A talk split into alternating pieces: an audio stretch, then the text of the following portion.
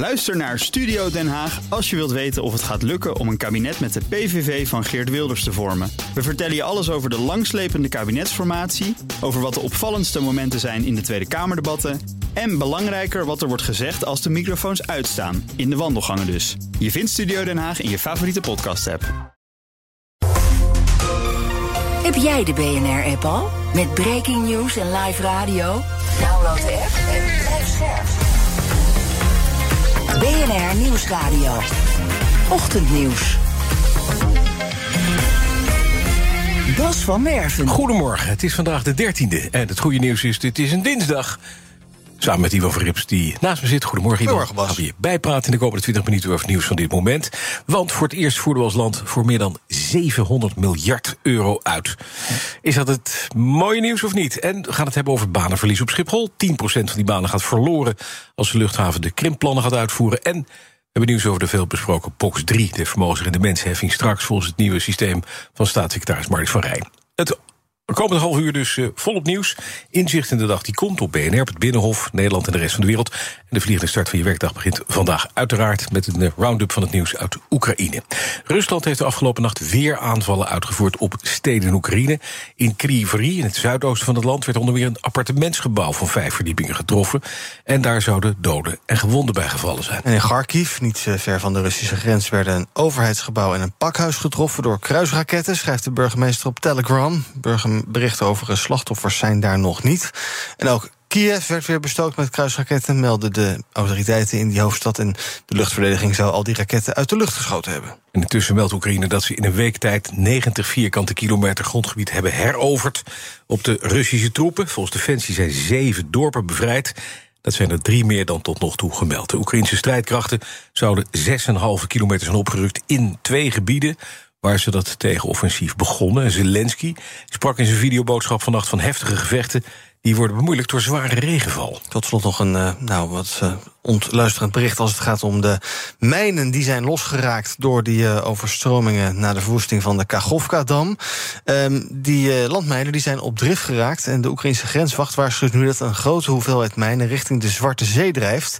Let wel, de afgelopen dagen zijn zes mijnen aangespoeld in Odessa. Dat is 200 kilometer verderop van die verwoeste dam dus.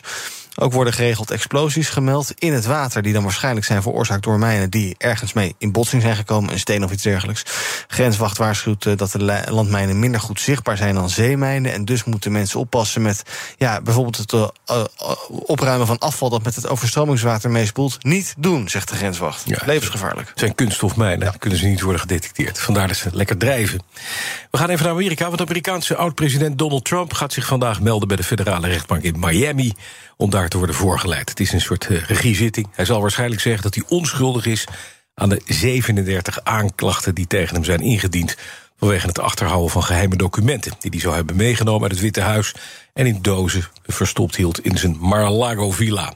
De zaak is achter gesloten deuren. Afgelopen week maakte Trump zelf bekend dat hij opgeroepen was om zich te melden in Miami, wat betekent dat hij waarschijnlijk niet zal worden gearresteerd.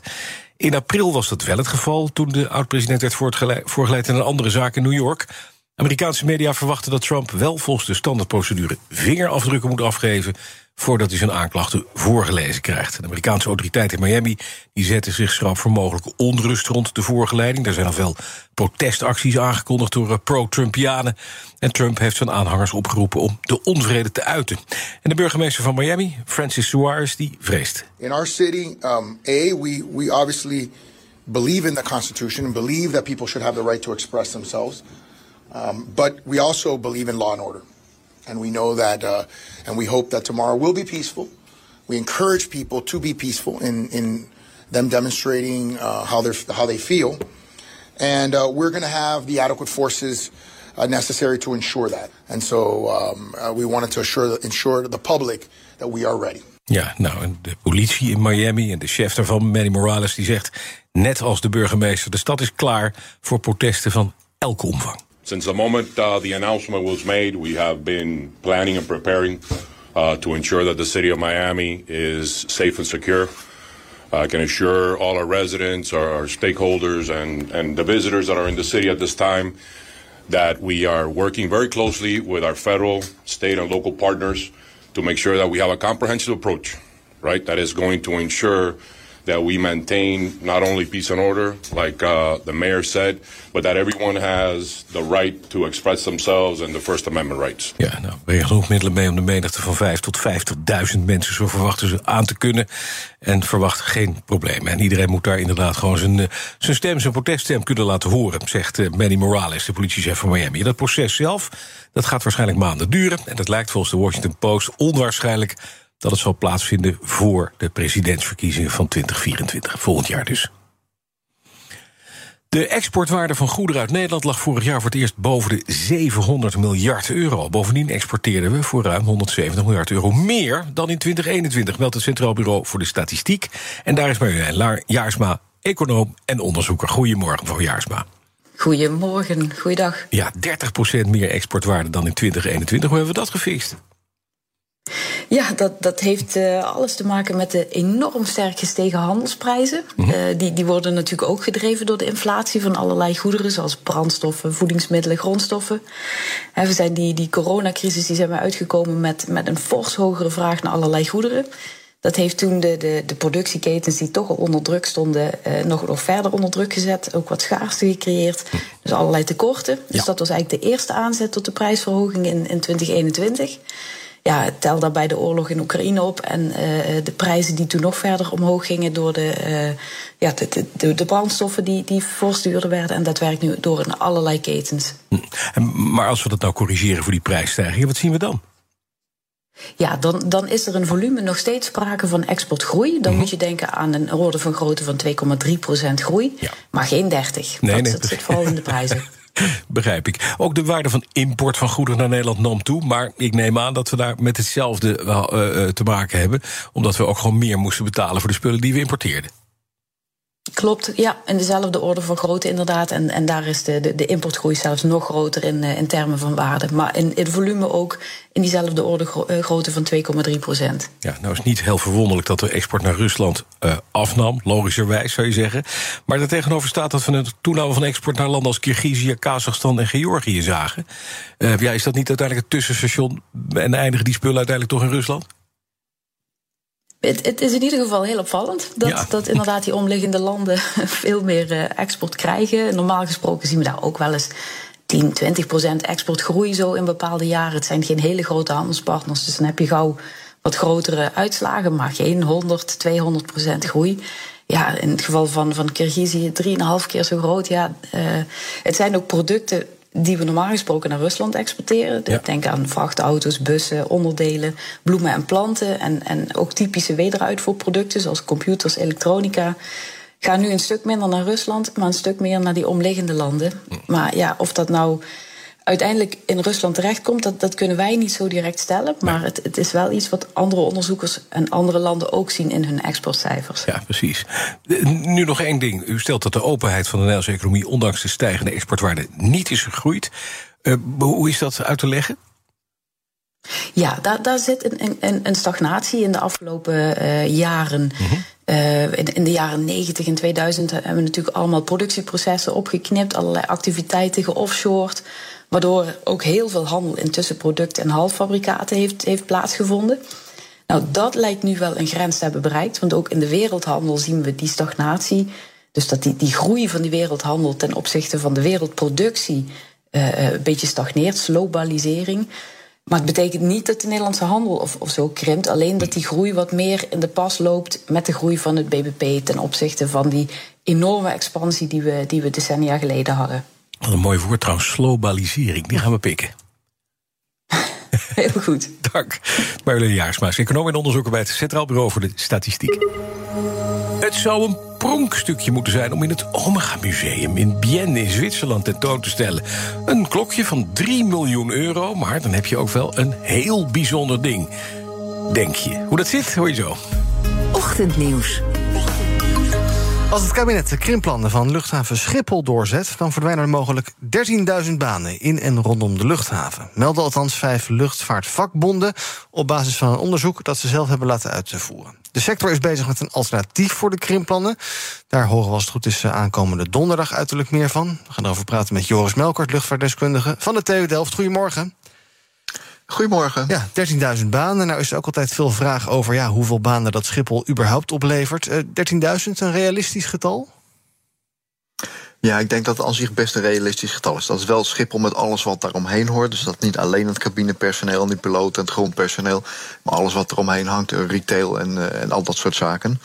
En als je het een beetje ruwweg door je oogharen bekijkt, de minister heeft gezegd: we moeten van 500.000 vliegbewegingen terug naar 440.000 vliegbewegingen. Dat is 12% eraf.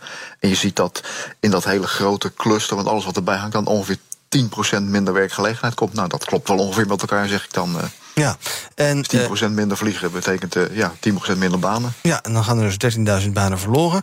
Uh, is het eigenlijk nodig? Moeten die, ja, is die krimp nodig daar? Nou ja, de minister zegt dus van wel, ja. er, er, wordt te veel overlast gecreëerd. En de minister zegt van nou ja, dat betekent gewoon minder vliegen. Want minder vliegen betekent minder overlast. Dus minder vliegbewegingen. Dus ongeveer 10% minder. En dat is ook 10% minder werkgelegenheid. Ja. Nou, als uh, zei ik al, vanuit de luchtvaartsector wordt er ook een alternatief gewerkt. Waarbij er dus uh, wel sprake is van een geluidsreductie, maar minder uh, impact op het aantal banen. De voorzitter van de Vereniging Nederlandse Verkeersvliegers was gisteren bij ons te gast, Camille Verhagen. Hij deed deze oproep aan het kabinet over die krimpplannen heroverweeg dat nou. Leg verschillende opties naast elkaar. En kies dan voor degene die wel geluidsreductiemaatregelen in zich hebben. maar niet zo'n uh, ja, desastreuze impact hebben op de werkgelegenheid. Ja, is, dit inderdaad een, is er een alternatief te bedenken? Nou, er zijn best alternatieven te bedenken. Die zullen misschien niet alles oplossen. Maar wat je nu eigenlijk ziet, de minister kiest voor een hele botte maatregelen. Gewoon minder vliegen, want we minder, willen minder overlast. Als je nou uitgaat van dat principe minder overlast... en dan tegen de sector zegt van nou, we willen gewoon minder overlast. Dit is uw doel, regel het verder maar. Dan kan dat bijvoorbeeld door, wat KLM nu doet... gewoon stillere vliegtuigen te kopen. Heb je minder geluidsoverlast... En als het niet lukt om dat totaal dan uh, te bereiken, ja, dan zul je alsnog wat minder moeten vliegen. Maar dan geef je ook nog een, een, stimula een stimulans voor, voor innovatie, denk ik dan. Ja, maar dat is een helzamere weg, denkt u? Nou ja, ik, ik, denk dat je dan gewoon een, een taakopdracht neerlegt bij de sector. Uh, die ook leidt tot minder overlast. Want niemand wil meer overlast veroorzaken. Als je dan iedereen vraagt, zegt natuurlijk: tuurlijk moet er minder overlast komen. Ja. En dan geef je dus toch kans om, om ja, te kunnen innoveren. Om stillere vliegtuigen in te zetten. Slimmer de uh, Schiphol te benaderen. Er zijn meer opties. En de rest, of het restje, dat moet dan blijken. Dat kun je dan alsnog oplossen met minder vliegen. Ja. Staat de minister daar ook voor open of is het eigenlijk al een done deal? Ja en nee. In principe staat de minister best open voor die minder hinderbenadering. Dat heeft hij ook wel gezegd. Uh, maar hij krijgt dat gewoon voor 2027 niet ingevoerd, zegt hij. Dus moet hij tot die tijd met zo'n, wat hij zelf dan ook noemt, een vervelende maatregel komen van minder vliegen. Dus ja en nee. En daar gaan er dus 13.000 banen bij verloren. Dank Joris Melkert, luchtvaartdeskundige van de TU Delft.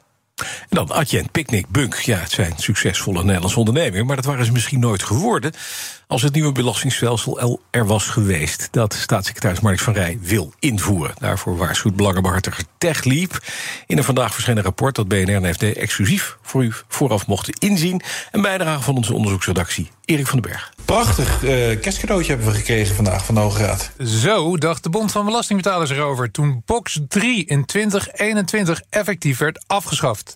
De hoogste rechters van ons land verklaarden de vermogensbelasting toen in één klap onwettig. Maar het feest zou niet lang duren. Staatssecretaris Van Rij ging snel aan de slag met een nieuwe belasting. Ze zeiden het is onteigening, het is eigenlijk gewoon diefstal.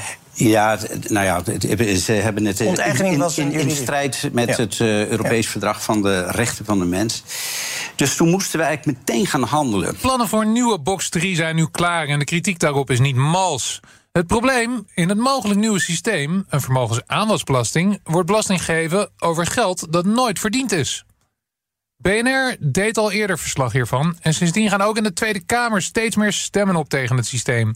CDA stelde al kritische vragen aan de eigen staatssecretaris en ook de VVD is fel tegen. U hoort Tweede Kamerlid Volkert Itzinga. Ja, je moet een politieke keuze maken uit twee systemen. De ene die belast uh, papieren winsten wel uh, ieder jaar. En de andere die doet dat pas op het moment dat het echt gerealiseerd wordt. Bij dit koor van criticasters voegen zich nu ook de start-ups zelf. Belangenbehartiger TechLeap liet door Archipel Tax Advice narekenen hoe bedrijven als Adyen, Bunk en Molly het gedaan hadden onder de nieuwe regels. Dit waren de uitkomsten volgens Thomas Vrolijk. Je ziet dat in veel gevallen uh, mensen meer dan twee keer uh, hun loon bijvoorbeeld uh, moeten, aan belasting zouden moeten betalen. Ja, dat, dat lijkt me een beetje van de gekken. En daarmee dreigt een pijnlijk einde te komen aan het feestje dat in 2021 begon met de uitspraak van de Hoge Raad. Ja, twee keer zoveel belasting tussen betalen als je verdient... of vooruit betalen over een aandelenpakket wat je hebt. Ja, is dat de bedoeling? Straks is Thomas Vrolijk, die je net al hoorde, van Techli bij ons... om uit te leggen hoe dat zit. Beleggers letten vandaag vooral op een aantal Amerikaanse bankiers... want zij kunnen de beurzen wereldwijd in beweging zetten vandaag. Je hoort Jelle Maasbach van BNR Beurs. Alle ogen zijn gericht op de avond. Dan start namelijk de Amerikaanse centrale bank met de rentevergadering. Een dag later weten we wat de rente gaat doen, of hij gelijk blijft of toch omhoog gaat. De meeste analisten gaan ervan uit dat de rente blijft zoals hij nu is. Verder is er discussie in Zwitserland en wel over de bonussen van bankiers. Het Zwitserse parlement buigt zich over een bijzonder voorstel. Dat wil veel strengere regels invoeren voor het uitdelen van bonussen. Er wordt onder meer gekeken naar een verbod. En als dat verbod erdoor komt, dan krijgen topbestuurders van grote banken geen extraatje meer. Zwitserse politici kwamen met het voorstel na de problemen bij Credit Suisse. Nou, dat is dus allemaal later vandaag. En vanavond de afdronk, half zeven, BNR Beurs op BNR. En direct daarna in je podcast-app. Ochtendnieuws. De plannen van gemeenten om de warmtetransitie te maken zijn vaak weinig concreet. Hè? Gemeenten beschrijven daarin hoe ze huizen en kantoren in de toekomst willen gaan verwarmen. Maar blijkt bijvoorbeeld de opdracht van het Rijk heel verschillend op te vatten. Sommigen willen hele wijken aardgasvrij maken. En anderen zeggen nou, isolatie van huizen is eigenlijk wel voldoende. Staat allemaal in een eh, rapport van het PBL, het Planbureau voor de Leefomgeving. En daar gaan we over praten met een van de onderzoekers, Volkert van der Molen. Goedemorgen. Goedemorgen. Ja, dus geen eenduidig beleid, een beetje rommelig. Wie heeft daar de schuld aan? Is dat nou het Rijk wat niet duidelijk is geweest... of de gemeenten die vrij interpreteren? Nou, ik weet niet of we moeten spreken over schuld. Het is eigenlijk, als je kijkt naar wat het oorspronkelijke doel was... om vormen een visie voor hoe je dit proces gaat aanpakken... en geef aan wat je uh, wil gaan doen de komende jaren... dan is dat keurig opgevolgd. Ja. De plannen die er nu liggen, die tellen op tot ongeveer wel uh, anderhalf miljoen woningen... waar iets van verduurzaming gedaan gaat worden. Ik denk wat we hebben laten liggen is dat we niet heel erg duidelijk hebben afgesproken... wat verduurzaming precies is... En dat we uh, de gemeenten niet hebben aangegeven precies wat zij moeten leveren. Ja, dus dan dus- leveren gemeenten allemaal wat ze zelf denken dat ze kunnen. Ja, nou dan zeg ik toch eventjes, dan ligt de schuld dus bij het Rijk... want die hebben dat niet goed omschreven, het beleid niet goed, eh, goed uitgedacht. Eh, en toch, uiteindelijk halen we dan wel wat. Maar wat voor plannen zie je dan, verschillend, zo'n gemeente? Waar moet ik aan denken? Want ik kan me ook voorstellen dat als je dit gewoon groot aanvliegt... Hè, als Rijk en niet als op, op lokaal niveau... dat je met economies of scale eigenlijk veel snellere slagen... tegen lagere kosten kunt maken. Zo werkt het over het algemeen. Nou, je ziet nogal wat variatie in hoe gemeenten dit aanvliegen. Er zijn gemeenten die uh, echt vanuit het collectief denken. Die denken dan ook vaak in, in warmtenetten, uh, grote bronnen, grote infrastructuren, gezamenlijke aanpak. En je ziet heel veel gemeenten die het meer via de individuele route aanvliegen. Dus dan kun je meer denken aan isolatie, warmtepompen en dat soort dingen. Ja, maar maken we daarmee de grootste efficiëntieslag? Gaan we daarmee voldoende, uh, zijn we goed op weg, laat ik maar zeggen, met die warmtetransitie, als je het zo blijft doen? Nou, laten we zo zeggen, dit gaat zeker een bijdrage leveren. Maar als we kijken naar de volledige opgave die we als land hebben... Ja. dan zijn alle plannen bij elkaar opgeteld die de gemeenten nu hebben vastgesteld... tot en met 2030 zou ik zeggen, maximaal een vijfde van de totale opgave die we met elkaar hebben. Dus er moet ook nog wel heel veel gebeuren naast wat de gemeenten doen. Via bijvoorbeeld uh, de, de nieuwe normeringen uh, voor de huursector of voor de hybride warmtepomp. Ja. Die vanuit het Rijk komen en die eigenlijk langs de gemeente heen gaan. Ja, dus dat is gek. Want 80% missen we dus, zeg ik dan even. Dat is een pessimistische blik. Als het, nou, als het we missen het niet. Het Ja. wordt op een andere manier georganiseerd. Okay. De, de, de, Misschien hadden we ooit een keer de blik dat we dachten... nou, de gemeentelijke aanpak, dat gaat het, het, de hele oplossing zijn. Mhm. Nou, daarvan zien we nu dus wel... en dat hebben we ook proberen te laten zien met dit rapport... Dat is op dit moment in ieder geval niet het geval. Als je had gedacht, deze documenten gaan ons laten zien... precies hoe de hele transitie eruit gaat zien... en wanneer ik aan de beurt ben en wat ik dan moet doen. Nee, dat dus- is niet het geval. Maar de plannen tellen wel op tot een, een aanzienlijke bijdrage. Maar er moet daarnaast nog een hoop andere dingen gebeuren. Duidelijk, dank. Volkert van der Molen, onderzoeker bij het PBL Planbureau voor de Leefomgeving. Tijd voor de dag in Den Haag. Wat kunnen we verwachten? Je hoort het van politiek verslaggever Sofie van Leeuwen. Goedemorgen. Een grote dag voor BBB. De nieuwe Eerste Kamer wordt geïnstalleerd. En de Boer-Burgerbeweging is nu echt de allergrootste fractie van allemaal in de Senaat. Historische dag dus. En tegelijkertijd een vervelende dag voor de coalitie. Want Rutte 4 verliest heel veel zetels. Van 32 naar nog maar 24. En hoe haalt het kabinet nog meerderheden voor, noem eens wat, de omstreden spreidingswet van staatssecretaris Van de Burg? Maak je dus op voor koehandel de komende periode. Rutte gaat flink dealen met de BBB en ook met de combinatie PvdA GroenLinks. Nu de ena grootste fractie in de Eerste Kamer. Premier Rutte staat verder op een MKB-congres vandaag. En de Tweede Kamer stemt over hoe nu verder na de parlementaire enquête Groningen. De moties komen voorbij in de stemmingen. En verder nog in de plenaire zaal het wekelijkse vragenuurtje. Dus Sophie van Lee. We gaan even koppen snel, Iwan. Begin het Financiële Dagblad. Betaald voetbal predigde loonmatiging tijdens corona... maar spelers kregen meer. Voetballers in de eredivisie kregen afgelopen seizoenen meer betaald... terwijl spelers, clubs en KNVB bij hun aanvraag voor coronasteun... juist loonoffers beloofden. Ja, dan hoge energieprijzen kosten Nederland 2% nationaal inkomen. Hogere energieprijzen in 2021, 2022 zorgden ervoor... dat wij meer geld aan het buitenland moesten betalen dan de jaren ervoor. In de Telegraaf rijbewijs, lokaas voor politiewerk. Politie wil meer studenten voor de agentenopleiding aantrekken... door het betalen van het behalen van het rijbewijs. Het gaat vooralsnog om een proef. Ja, met een maximum van 2750 euro. Dan moet je Ja, wel je- mensen die kunnen sturen, want anders wordt Ik niks. wil in één keer afrijden. Is een beetje. Geldproblemen voelbaar in de klas, ook in de Telegraaf. Bijna 4 op de 10 kinderen groeit op in gezinnen... waar de laatste tijd flink wordt bezuinigd op levensbehoeften. Denk aan ontbijten, kleding of verwarming... zegt een onderzoek van ABN AMRO en het Jeugdeducatiefonds. Algemeen Dagblad. Aardappels en uien willen niet. Door het extreem natte voorjaar, de droogte van de laatste week en de harde wind... komen gewassen nauwelijks omhoog. Boeren die sproeien zich helemaal suf dag en nacht om nog wat uit de grond te krijgen... maar de oogst zal dit jaar hoe dan ook minder zijn. Aardappelen en uien. Dat wordt geen hutspot 3 oktober. Dan in NRC gratis speel- en leesprogramma's... voor Haagse peuters met achterstand. Haagse onderwijswethouder Hilbert Bredemeijer van het CDA... vindt dat de plannen van het kabinet voor bijna gratis kinderopvang...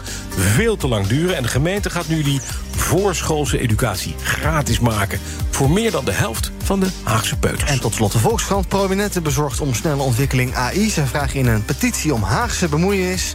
Kunstmatige intelligentie ontwikkelt zich in een dermate tempo... dat de Nederlandse politiek daar snel wat aan moet gaan doen. Een van de opstellers van die petitie is eh, Kees Verhoeven... en we spreken hem in de reguliere uitzending. Kan je terugluisteren via bnr.nl. Ja, en dan nog even dit verhaal. Ze dachten echt de hoofdprijs te hebben. De Zwitserse luxe horlogemaker Omega kocht in november 2021 op een veiling in Genève een absoluut topstuk voor de, eigen, voor de eigen collectie. Het ging om een heel vroeg type van de Omega Speedmaster uit 1957. Meer dan tien jaar ouder dan het type horloge wat wereldberoemd werd... omdat NASA-astronauten het meenamen naar de eerste maanlanding in 69. Omega betaalde dan ook een soevereine prijs van 3 miljoen euro voor dat klokje. 25 keer hoger dan de verwachte opbrengst van het Veilinghuis. Nou, het zou dan gekocht zijn en tentoongesteld worden in het Omega Museum in Bienne. Maar toen de horlogemaker het klokje uit elkaar plukte, kwamen ze erachter dat het hier gaat om een Frankenstein watch. Dat is in de horlo- een hor- horlogerie algemene term voor een absolute deepfake. Oh, nee. Ja, het ding bestaat wel uit originele onderdelen die uit 1957 stammen, maar die nooit als één klok de fabriek hebben verlaten.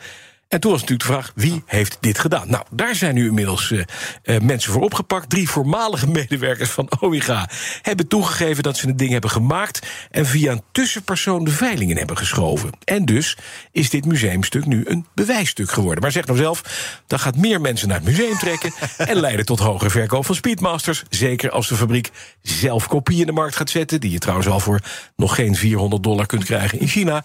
Eh, dus die 3 miljoen die zijn volgens mij helemaal niet slecht besteed. Ook Harm Edens vind je in de BNR-app. Je kunt BNR Duurzaam niet alleen live luisteren in de app, maar ook terugluisteren als podcast, zoals al onze podcasts. En naast dat de BNR-app Breaking News meldt, houden we je ook op de hoogte van het laatste zakelijke nieuws. Download nu de gratis BNR-app en blijf scherp.